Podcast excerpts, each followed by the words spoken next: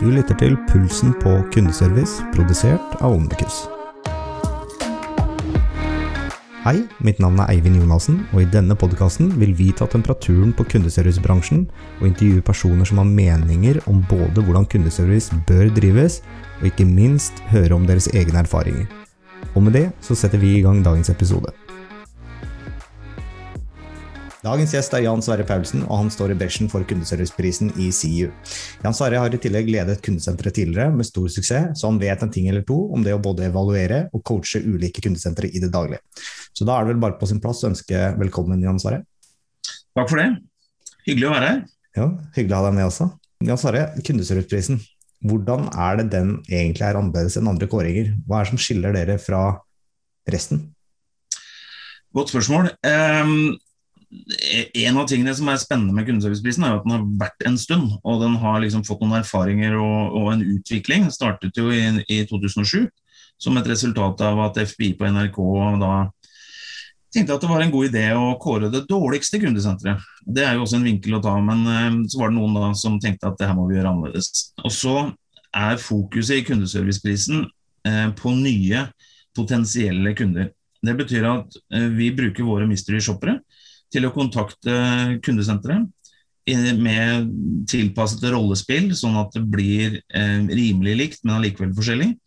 Og så eh, er jo de trent til å lytte etter og se etter forskjellige ting, som de så rapporterer til oss etter en henvendelse. Mange andre undersøkelser eh, spør jo eksisterende kunder hvilke erfaringer de har med å være i kontakt med et selskap. Og Det er jo selvfølgelig også veldig viktig informasjon og god innsikt. Utfordringen der er jo at veldig få kunder er jo trent på å forstå og identifisere hva det er som gir en god eller dårlig opplevelse. I tillegg så er det jo også sånne ting som leveringsdyktighet, om du var fornøyd med prisen, om produktet holdt den kvaliteten det skulle osv., som også spiller inn. Men igjen da, det er viktig innsikt, men det vi gjør er at vi isolerer de prestasjonene som kundebehandlerne utfører, eller ikke utfører, på kundesenteret, i kontakt med nye potensielle kunder. og Dermed så blir jo det vi gjør, en mye eh, spissere undersøkelse. Som det så er mye lettere å ta inn i kundesenteret og bruke som grunnlag for utviklingsprosesser fremover. Ja, og jeg ser jo Du, du har jo nå leda Kundeserviceprisen de siste to åra. Eh, hvordan, eh, eller hva gjorde du egentlig når du først tok over, og hvordan har prosessen vært? Eh, når jeg fikk ansvaret for kundeserviceprisen, så tenkte jeg at dette blir gøy. Eh, for jeg er jo en av de som syns at eh, kundesenter og callsenter og den type ting er fascinerende og spennende og eh, ekstremt motiverende å jobbe med. Så jeg, så, så jeg bakover og så så jeg liksom, okay, hvilke, hva er mine erfaringer, hva har jeg lært, eh, hva har jeg opplevd, hva har gått bra, hva har gått dårlig. Eh, og så tok vi det vi hadde, som jo var et veldig godt utgangspunkt, som hadde holdt på i mange år og Så kastet vi alle de ballene opp i lufta og så sa vi ok, hvordan kan vi gjøre dette her enda bedre. Og Så satte vi oss ned og så gikk vi gjennom det, og så strukturerte vi opp hele kundeserviceprisen på nytt. Eh, basert på gode erfaringer, dårlige erfaringer og læring osv. Og, så eh, så vi oss litt rundt i, eh, i, Norge og så så vi hva har skjedd. Er det noen uh, nye bransjer? Har det skjedd noe i markedet som vi burde ta med? Og da oppdaget vi jo at uh, eh, f.eks. sånn som streaming, det har nok kommet for å bli. Og uh, netthandel og, og, netthandel var visst også noe som folk var opptatt av. Uh, og allerede der så hadde vi to nye klasser. Og så den sommeren så ble gjeldsregisteret lansert, og da tenkte vi det er jo en del folk som, som er i kontakt med inkassoselskaper, og hvordan behandler de kundene? Så da fikk vi en tredjeklasse der, og sånn holdt vi på. Og da endte vi til slutt på 24 klasser i eh, det som da ble Kundeserviceprisen i 2020. Og når vi da la til nye deltakere i de klassene, så endte vi også på 181 deltakere, så det var jo ny rekord. Eh, og et voldsomt stort eh, antall kundesentre som var involvert. Ja, og jeg ser jo, Dere, dere har jo lansert kundeserviceprisen.no, blant annet. Og det, det, Du skal få litt kred, da. Fordi jeg ser at dere er transparente i forhold til hvordan dere evaluerer, hva dere evaluerer, og liksom også prosessen, også spesielt i år, underveis. Og det er jo eh, en ting jeg syns mangler fra en del andre eh, prisutdelinger, er at man vet ikke hvorfor man vinner. Noe annet enn at liksom, ja, dere har gjort en god jobb, så vær så god, liksom. mm. Men, mens her er dere jo helt transparente på nøyaktig ned på nesten ja, det er alle detaljene på hvordan dere evaluerer og hva er det folk kan gjøre for å gjøre seg bedre. Hva, hva, hva er grunnen til at uh, dere har gått så langt? Vi ønsker jo å være en av de aktørene i Norge som bidrar til at kundeservice, kundesenter settes på kartet, får oppmerksomhet, får den kreden de eh, fortjener. Eh, og at vi kan sammen løfte det til nye høyder, sånn at eh, kundeopplevelsen blir enda bedre. Og en av måtene å gjøre det på, er jo å forsøke å være transparent. Og har, det er også en av endringene da, de siste to årene, at det har blitt mye mer offentlig, da, skal vi si det sånn, hva det er vi gjør og hvordan vi gjør det, og hva vi, hva vi spør shopperne våre om etter at de har vært i kontakt med et kundesenter, og hva det er de evaluerer på. Eh, og Det gjør vi jo ikke fordi vi tror at alle kundesentrene løper inn og ser på de spørsmålene og så gjør om alt det de driver med for å tilpasse spørsmålene. Men vi tror at de spørsmålene sånn i utgangspunktet er eh, i nærheten av i alle fall det som en kundebehandler bør ha fokus på gjennom en henvendelse. Og så er det jo også sånn at vi i fjor høst uh, spurte en hel del deltakere i Kundeserviceprisen om de hadde noen innspill og tanker og ideer, endringer, forslag til utvikling av Kundeserviceprisen videre. For det er jo tross alt for dem vi gjør det. Um, vi gjør den jobben, og vi gjør jo den fordi vi ønsker at kundesentrene skal bli bedre. og Derfor er det også en fordel for oss å ha det åpent, og også fortelle folk i kundesenteret rundt omkring, både ledere og teamledere og medarbeidere, hva det er vi ser underveis. og Derfor har vi også forsøkt å, å legge ut disse innsiktsbloggene hvor vi ser litt på noen av de funnene som dukker opp underveis. For også å, å sette i gang noen refleksjoner og diskusjoner internt. Eh, og så vil jo selvfølgelig vi gjerne være med på de diskusjonene og de prosessene internt i kundesentrene, men det er jo også sånn at det er jo ikke alle som kan eller vil eller har mulighet til å bruke oss til sånne ting, men da har de allikevel en mulighet til å, å gjøre det sjøl og, og, snakke om disse tingene og få ting opp på bordet. F.eks. For forskjellen på det å, være, å, ha, å, drive med skriftlige henvendelser kontra muntlig, altså på telefon, som det er stor forskjell på. Det er helt andre prestasjoner som skal til for å lykkes på skriftlig, f.eks. e-post og chat, i forhold til telefon. Og Hvis vi kan få opp litt fokus på det, så kan det være at noen kundesentre da blir enda litt bedre på det. Og så løfter vi hele Norges kundesenterbransje lite grann. Mm. Vi skal komme litt uh, mer tilbake igjen på, på sånn det dere har funnet ut underveis uh, litt senere. Men uh, en ting som jeg ikke tror vi skal gå utenom, selv om det er et spørsmål som begynner å bli kjedelig for mange, tror jeg. Men koronaen i fjor, altså det er jo midt under selve kåringa. hvis jeg husker riktig, så avlyste dere vel nesten når koronaen kom inn og stengte ned landet. og det, det, er jo forståelig, fordi det er litt sånn urettferdig å fortsette en kåring. Men, men, men på en måte Hvordan gikk det egentlig utover selve prisen i seg selv? Ja, når vi, når vi dro i gang Kundeserviceprisen i 2020, så starter vi alltid der i månedsskiftet november-desember, og så holder vi på til månedsskiftet mars-april. Eh, og Det har vi også gjort i år. Og Det skyldes jo at Eh, noen bransjer har du kaller det trafikktopper, f.eks. før jul, eller i januar eller i februar. eller et eller annet. Og Når vi da har fire måneder som vi bruker, så kan vi spre alle henvendelsene utover for alle deltakerne. Og så blir det så likt som mulig da, i den perioden. Det betydde jo da når vi kom til 12.3.2020, eh, så endret jo verden seg eh, i løpet av dagen når Erna gikk på scenen og lukket og slukket Norge, så fikk vi jo en utfordring. Og det vi gjorde da, var at vi, vi fortsatte med kundeserviceprisen både 12. og 13. Eh, men så gikk vi inn i resultatene og så så vi er det noen utslag. Er det noen endringer? Det, har det skjedd noe her de dagene i forhold til dagene før? Og da så vi at 12. så var det en del utslag. 13. så så det helt bananas ut. Da var det virkelig store utslag. Og så gikk vi tilbake. 11. var ok. 10. den var vi helt sikre på at den var i orden. Så da sa vi der har vi cutoff. 10. Eh, mars, det er den siste dagen vi bruker. Så vi hadde da gjennomført noen henvendelser som vi da la til siden og ikke brukte i rapporter og i resultater osv.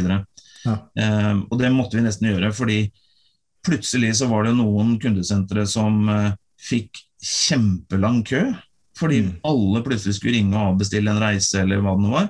Eh, og det vil jo være veldig dårlig gjort for dem når de eh, på den ene, måten, ene, ene siden så sitter de med kjempe, en kjempeutfordring som de må løse, med masse kunder. Og så skal vi komme på toppen av det og gi dem en dårlig score fordi at de ikke får tatt telefonen, f.eks. Det blir jo litt feil. Ja. Eh, og Derfor så gjorde vi det på den måten. Så Det, det betydde da at de 25 henvendelsene da, som vi har til hver, eh, hvert kundesenter gjennom eh, undersøkelsen, så var det noen som fikk 25, noen fikk 24, noen fikk 23, og så var det noen få som fikk 22 henvendelser Mm. i 2020. Men det er tross alt bedre. Men i 2021 så har det ikke vært noen unnskyldning.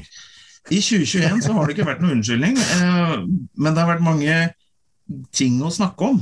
F.eks. det her med hjemmekontor, som jo veldig mange kundesentre sitter med. Eh, og, jeg ble jo også imponert når jeg så i mars-april i fjor eh, hvor mange kundesentre rett og slett tok PC-en og skjermen under armen.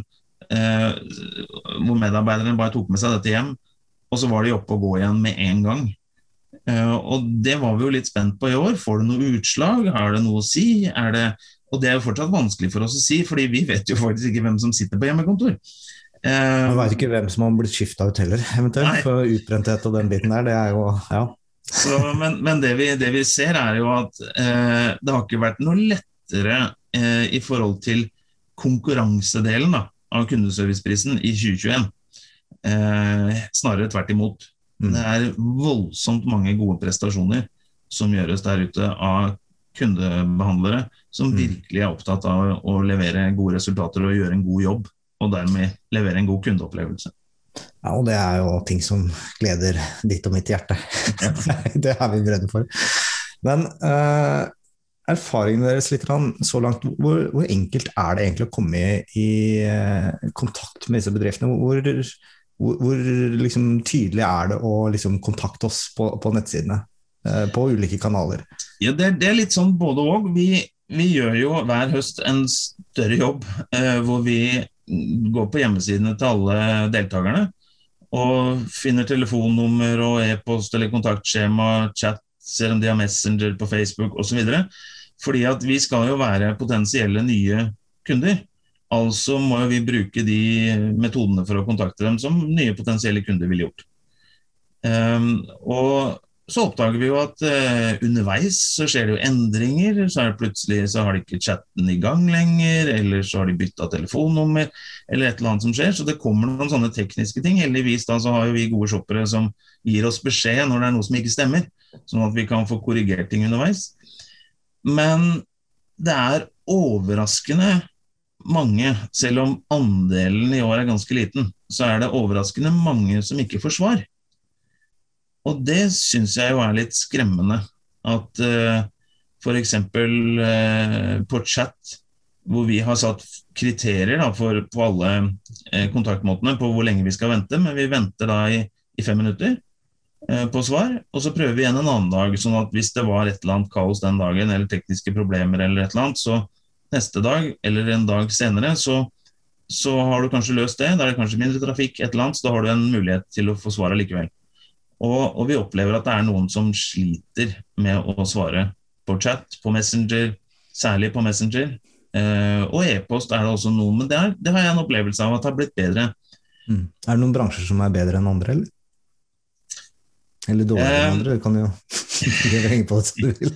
ja, nå, nå skal jeg ikke si altfor mye i forhold til eh, resultatene for 2021, men Men ser du forskjell? Uh, er vel egentlig det jeg er på jakt etter. Det er forskjell. Og, og Der kan man også gå på kundeserviceprisen.no og så se, for der har vi lagt ut en eh, artikkel hvor vi eh, viser fram, riktignok anonymisert, men hvor forskjellen er. da, Hvilke forskjeller det er. Og, og på bransjenes snittscore så er det ikke sånn kjempestor forskjell.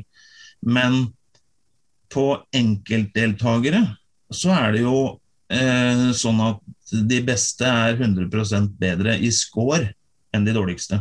Ja, det er, det er, det er massivt. Det Det er er voldsomt. Det, men det, det betyr jo også at sant, hvis du har utfordringer med bemanning f.eks., eller du har et mye mye større, høyere trykk av kunder i forhold til hva du hadde planlagt eh, i, i planleggingen din, så blir det flere av henvendelsene som ikke får svar, og det får jo null i score. Så det er klart det trekker ned. Ja. Eh, men så er jo det ikke kundebehandleren sin feil som sådan. Da. Det er jo ikke en prestasjon kundebehandleren kan påvirke. Og Derfor så har vi i år lagt uh, svar og ventetid som et eget prestasjonsområde for å isolere det litt. Og så har vi jo lagt til en del nye spørsmål som shopperne besvarer, som gjør at svar og ventetid nå, så lenge du får svar, det påvirker i underkant av 5 av totalscoren din. Ja, fordi dere har jo øh, fem kategorier som dere har delt opp disse spørsmålene i, og det er jo svar og ventetid, mottak og velkomst, kundebehandleren, totalinntrykket og customer experience, som liksom er selve kundeopplevelsen. Mm. Um, og det å bemanne riktig på kundesenteret er jo kanskje en av de tingene som har vært og kanskje er fremdeles eh, en av de største utfordringene. Spesielt i forhold til svar og ventetid. og det jeg tenker liksom sånn, Har du fått noen reaksjoner på det når dere liksom er så transparente og sier at dette er faktisk en ting vi har evaluert? Nå har du jo akkurat sagt at dere har jo dratt det ned til kun å gjelde 5 eh, av den totale, men, men, hvordan har reaksjonene vært fra de som er med på dette? her? Det, jo, det har jo vært, eh, når vi da i fjor eh, høst sendte ut litt sånn hva tenker dere, har dere noen meninger, tanker, endringer, forslag osv., så, videre, så kom det jo inn mye forskjellige ting. Eh, og det er jo også litt sånn eh, Noen tenker på at i deres situasjon så hadde det og det vært en fordel. Andre tenker at ja, men i vår bransje så er det sånn. Så er det noen som sier ja, men kan, kan ikke vi få den første henvendelsen over nyttår fordi vi har så mye i desember. Så det, det, det, kommer mange ting. Men der kom det også noen tanker om at det der med, med svar og ventetid, da, eh, at, at, de var litt sånn bekymra for hvor mye det påvirker.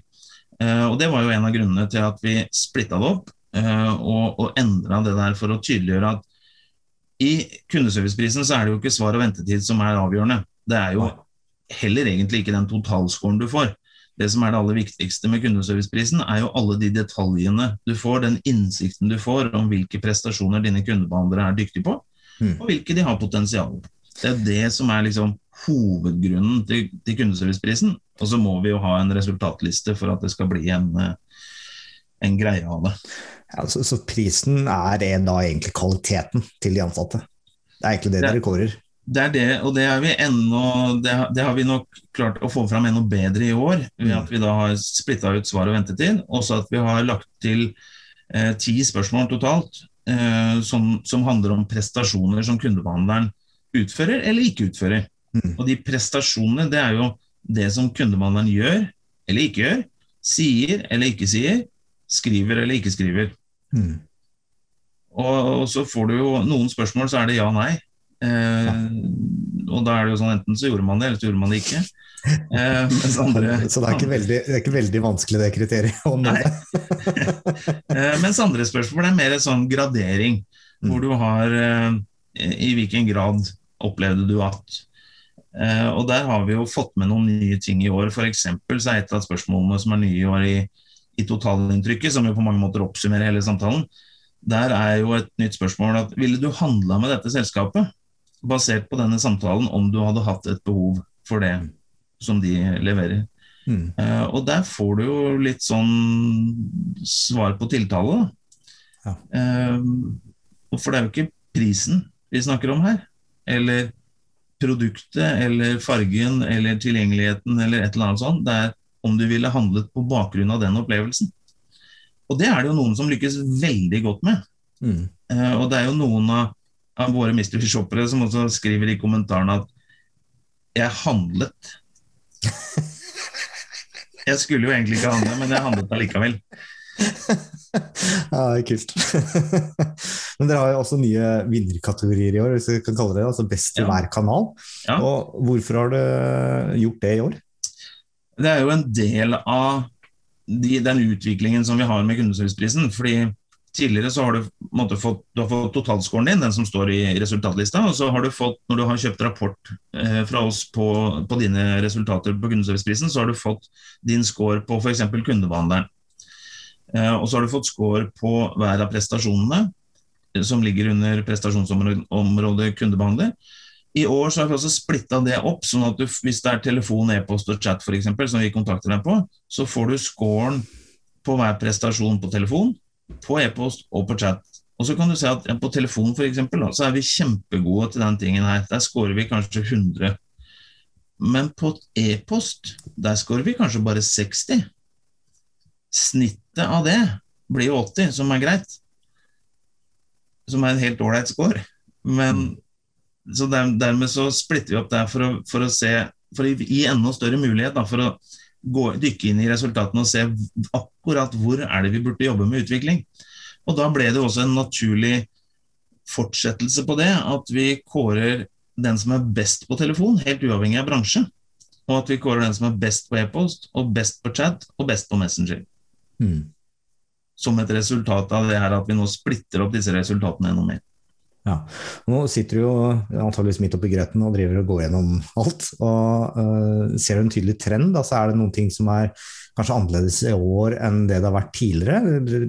Litt ref korona, litt sånn uh, nye kriterier, uh, dere er mer transparent osv. i forhold til hvordan dere evaluerer. Ser dere liksom at, at det har gjort noen endringer fra, fra hvordan det har vært tidligere i år?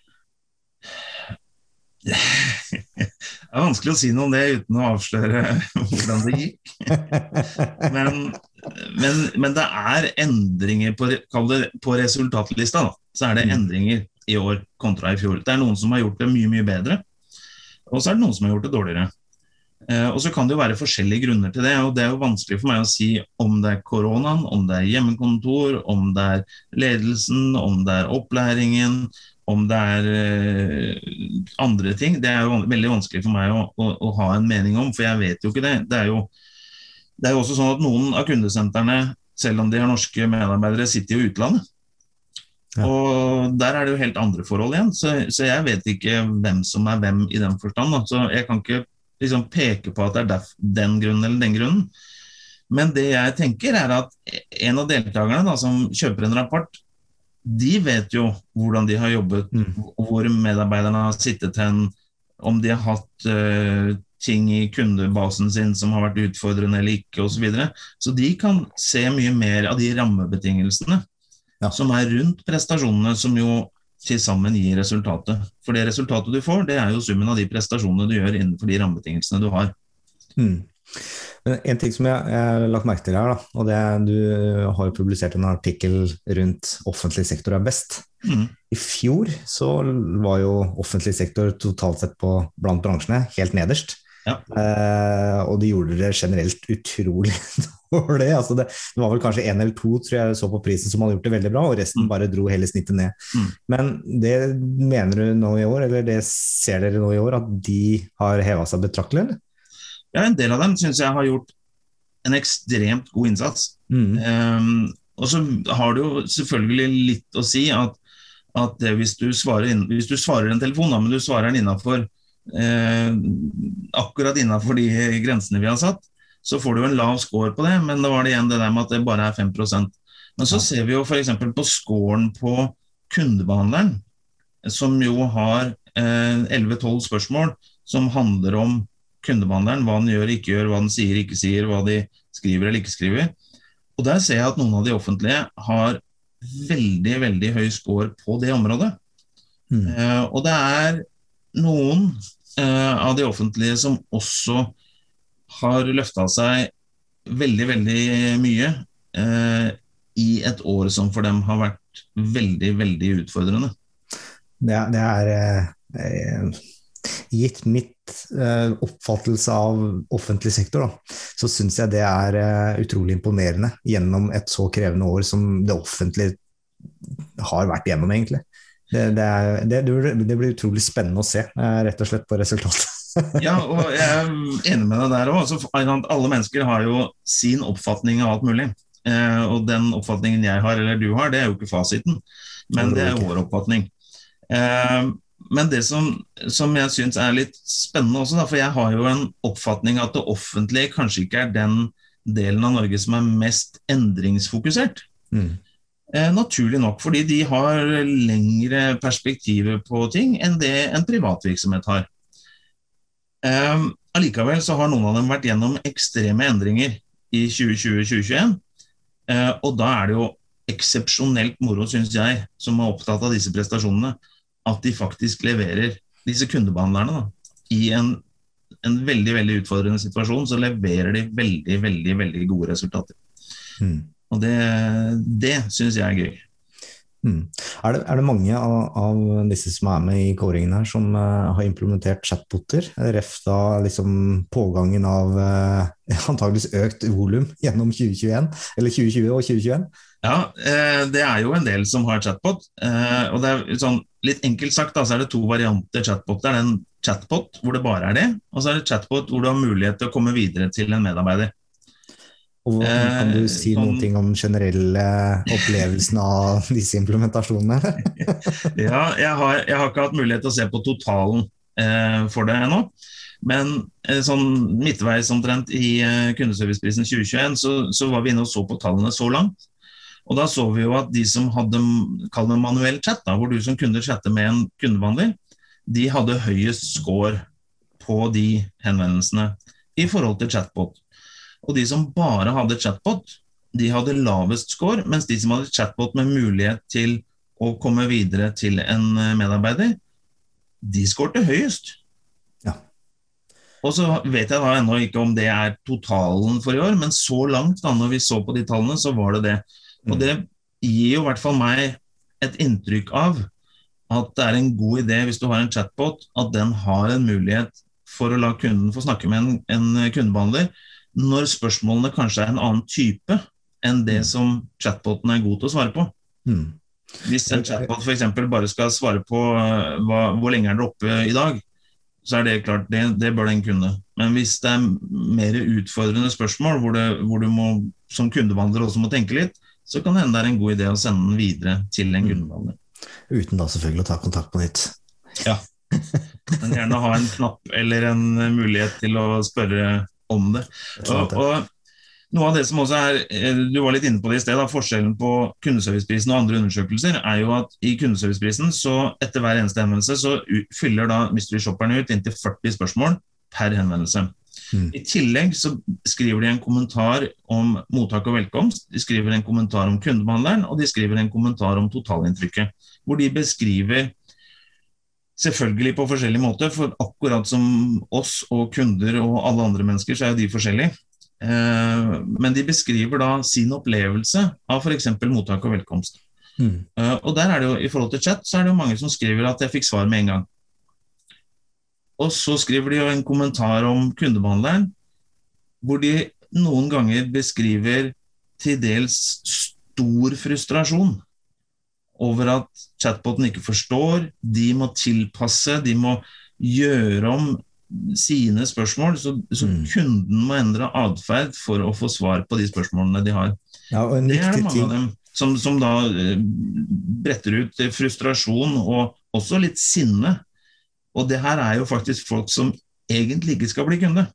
Ja. Så hvordan er det da for en ekte kunde mm. i den samme situasjonen? Og jeg tenker også En av de viktige tingene å tenke på her, da, det er at disse mystery callerne de er jo ikke profesjonelle. ikke sant? Det er ikke som, som det er jo meg som tenker at liksom, hvordan er dette her satt sammen, og hvordan bør det funke. og alt sånt. Det er jo ekte mennesker, på en måte. Ja, ekte potensielle mennesker så, som i tillegg ikke gjør dette her år etter år. For dette er sånn jeg har forstått det, det er nye mystery callere hvert år. fordi det er jo løsningsleverandører sånn som oss som ødelegger muligheten for deg til, å, til å ha eh, samme folk som tar kontakt og om igjen. fordi da ser man historikken. Ja, du koster meg en del folk hvert år. Sånn. Beklager. Men, men, det er helt riktig som du sier, da, for i år så har vi brukt 88 mystery shoppere for å gjennomføre de 3925 mm. henvendelsene som det ble i år. Eh, og de 88 menneskene, noen av dem har jo kontakta alle eh, deltakerne. Og da er det jo mm. kjørt. Da, må, da, kan ikke de være med neste år. fordi nå har de selskapene en eller annen track på dem. De har telefonnummer eller e-posten eller et eller annet, sånn at neste gang vi kontakter, så popper det opp et eller annet historikk. Mm. Og da er det jo ikke en ny potensiell kunde lenger. Så det er viktig for oss. Mm. Også at de ikke er kunde der, er jo også viktig. Uh, og, og, og, det uh, Men disse 88, da. Det er jo da 88 mennesker, menn og kvinner, uh, i alle aldre de yngste sånn mellom 18 og 20, og de eldste over 60. Og de er fra hele landet. Uh, og det tror jeg er en god greie, fordi at kundene til deltakerne er jo også sannsynligvis fra hele landet, i alle aldre og alle kjønn og alle typer folk. Eh, og dermed så er det ikke hva jeg mener som er viktig, det er ikke min opplevelse i kontakt med et kundesenter. Og det tror jeg også er vesentlig, for jeg har andre måter å se det på enn det en vanlig person har. Mm. Fordi jeg er så opptatt av å jobbe med det. Mm. Mens disse mystery shopperne de, de, oppfører seg som seg selv.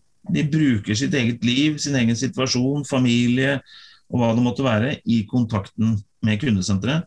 Og dermed så er det jo det de er opptatt av. Mm. En, eh, en, annen ting sosiale medier. Der uh, leste jeg bl.a. at uh, opplevelsen der er jo ikke helt som, som disse mystery-shopperne forventer. det er sånn, de, de, kan få Kanskje de får svar, kanskje ikke. Men, men, i veldig mange tilfeller så var det liksom nesten sånn ja, Hvis du ønsker å vite mer, så ta kontakt med oss i en annen kanal. Ja. Tenker du om den velkomsten for nye kunder? Ja, jeg syns du er snill som kaller det velkomst. Um, for det er vel egentlig ikke det. Nei, det er jo en avvisning. Det er ikke noe tvil om. og, og, hvis du tenker at denne kunden da eh, kunne ha ringt, og hvis denne kunden hadde ringt, og du svarer på kundesenteret på telefon, og så sier du ja, hyggelig at du kontakter oss, men hvis du vil ha svar, så må du sende e-post. Eller ta kontakt med oss på sosiale medier. Ja. Alle forstår at det er ikke noe spesielt god kundeopplevelse. Og Derfor så lurer jeg på hvorfor noen gjør det på Messenger. For det er jo fortsatt en kundeopplevelse. Og jeg forstår ikke helt hvorfor da eh, det skal være så forskjellig. Eh, en ting er at det kan ta veldig lang tid. Eh, en annen ting er at dialogen på Messenger noen ganger eh, er veldig annerledes enn det den ville vært på telefon eller e-post. Den er mindre formell, og det kan ha noe med, med, Messenger å gjøre. At vi er vant til å snakke med venner, f.eks. Sende meldinger hit og dit og selfier og hva det er. Men det her er jo en profesjonell samtale. Mm. Opplever du forskjell mellom livechat og uh, f.eks. Messenger? I forhold til hvordan folk har dialogen der? Og på språket, for, for, å si det sånn? Ja, eh, jeg, har, jeg, kan ikke på en måte bevise det med noen tall, men jeg har en følelse at det blir mer eh, Skal vi kalle det da, det blir, det blir, mer muntlig språk på Messenger enn på chat. Litt mer eh, sånn, ja, som du sier, litt sånn kompisspråk. Ja, og, og det, det, kan nok være det at vi er vant til å bruke Messenger til kompiser. Mm. Og da, hvis, hvis, jeg sender en tommel opp da til deg, så har vi kanskje hatt en dialog før, og så kjenner du meg, og så, og så vet du at ok, ja, men det betyr det. Og så er kommunikasjonen i orden. Fordi mm. den forventningen du har til meg, den får du fylt gjennom at jeg da sender deg en tommel opp eller ok, eller hva det nå var. Mm. Men hvilken forventning har kunden når de kontakter et kundesenter på Messenger eller på de andre kontaktmåtene? Hvis du mm. ikke vet hva den forventningen er, så er sjansen stor for at du bommer. Jeg tenker det er, det, er, eh, det er, sikkert litt ulike, i og med at det er så mange forskjellige mennesker. Men én ting som er sikkert, det er at kunden forventer ikke å bli avvist. Nei, det, er, det kan vi være helt enige om. Det er liksom, Nummer én når du kontakter et kundesenter, er at du forventer å få svar. Nummer ja. to er at du forventer å ikke bli avvist. Og så har du i alle fall en forhåpning om at du får en god løsning. Mm. Men de to første der er jo vesentlige. Så, så svar, og svar gjerne så raskt som mulig. Eh, og, og det, der kan det også være en sånn, hvis det er stor trafikk, da, så heller svar og så si at så fint, vi har stor trafikk, eh, så det kan ta litt tid før jeg rekker å svare deg neste gang. Men da har jeg i hvert fall fått kontakt. Mm. Istedenfor å sitte der i, i, det store internettet og lure på om noen ser meg i det hele tatt. Mm. Vi skal eh, over til eh, fem raske spørsmål. Så nå skal jeg stille deg et spørsmål. Jeg skal ikke, prøve å ikke blande meg inn i svarene dine. Men uh, nummer én, uh, hva er den største positive overraskelsen du har sett på kundesenteret gjennom kåringen, og hvorfor? Det kan jeg ikke fortelle deg, for da avslører jeg noe om resultatene. Kan du da ta nummer to, som er den største blemma? nei, det, det, vet du hva? Det, jeg kan heller ikke fortelle deg den største blemma. og Grunnen til det er at for meg og for oss Eh, med kundeserviceprisen så handler det ikke om å fortelle hva man er dårlig på, men det handler om å fortelle hva man er god på, og hva man kan bli enda bedre på. Så jeg vil ikke at deltakerne skal ha fokus på hva de gjorde feil. Jeg vil at de skal ha fokus på hva de gjorde riktig, for da kan de gjøre mer av det. Og når du gjør mer av det, så blir ting enda bedre, og da blir det lettere å ta tak i det som kan bli enda bedre. Ok. Nummer tre. Hvis kundesenteret får en ekstra pott med cash på kundeservicebudsjettet sitt, hva og hvordan bør de bruke det? De bør bruke det på medarbeiderne. Punktum. Uh, og det betyr ikke at de skal kjøpe svære TV-er eller PlayStation eller et eller annet til dem.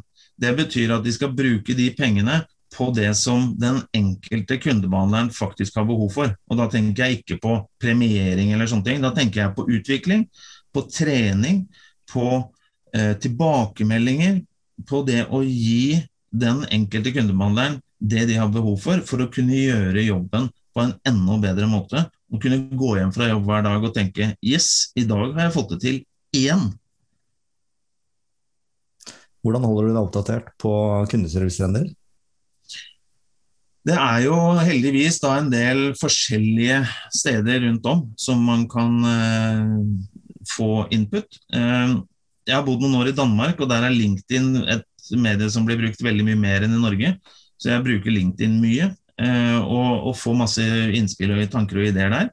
Så det, har vi jo noe som Confex, en av våre samarbeidspartnere, har startet i, i år som et resultat av at callsenterdagene, hvor vi vanligvis har kåret vinnerne i kundeserviceprisen, det er litt utfordrende å arrangere under korona. Og Derfor så har Confex bl.a. startet det som heter kundeservicenytt.no, hvor de eh, samler inn mye gode innspill, eh, artikler, intervjuer, foredrag osv som eh, vi som er opptatt av kundeservice, kan være med på, og så kan vi få noe glede ut av det. Og så er det jo viktig for meg også å, å se litt hva andre driver med. Da. Om det er BI som har et uh, webseminar, eller om det er Boston Consulting Group som har lagt ut en uh, artikkel, eller hva det nå enn er, så er det viktig for meg å, å være rundt omkring og høre hva andre uh, jobber med, og hva de er opptatt av. Fordi jeg tror ikke at jeg har rett i alt. Jeg tror jeg har min fasit. Og så finnes det mange andre fasiter som jeg kan lære noe av. Hva er det største området innenfor kundeservice som du er nysgjerrig på akkurat nå? det er mange ting, men hvis jeg skulle hatt én eneste ting på min liste da, som, som, jeg skulle snakke om det neste året, så er det medarbeidere, utvikling og trening. Er det sånn at jeg kan spørre om eh, når er det når er det kåring her? Får, får vi vite det her i dag? ja, det blir ikke billig for deg. Eh, nei, men det er eh, som jeg sa, Vanligvis eh, så har jo kåringen vært på callsenterdagene. I fjor, 2020, så ble jo den eh, plutselig utsatt, som gjorde at vi ble satt i en liten skvis der, og hvordan skal vi nå kåre vinnere? Så vi prøvde da eh, fort og gærent å få gjort det, og, og lykkes med det. Vi fikk i hvert fall kåra vinnerne. I år har vi hatt litt bedre tid til å tenke på dette her, og verden har jo kommet litt videre, som vi ser akkurat nå. Vi driver med, med digitale ting når vi snakker sammen, eh, og det kommer det til å bli i år også. På kundeserviceprisen.no så kan du gå inn, og der kommer det oppdateringer. Men kåringen i Kundeserviceprisen 2021 med 20 klassevinnere, fire vinnere i eh, kontaktmåter og en totalvinner og en overraskelse.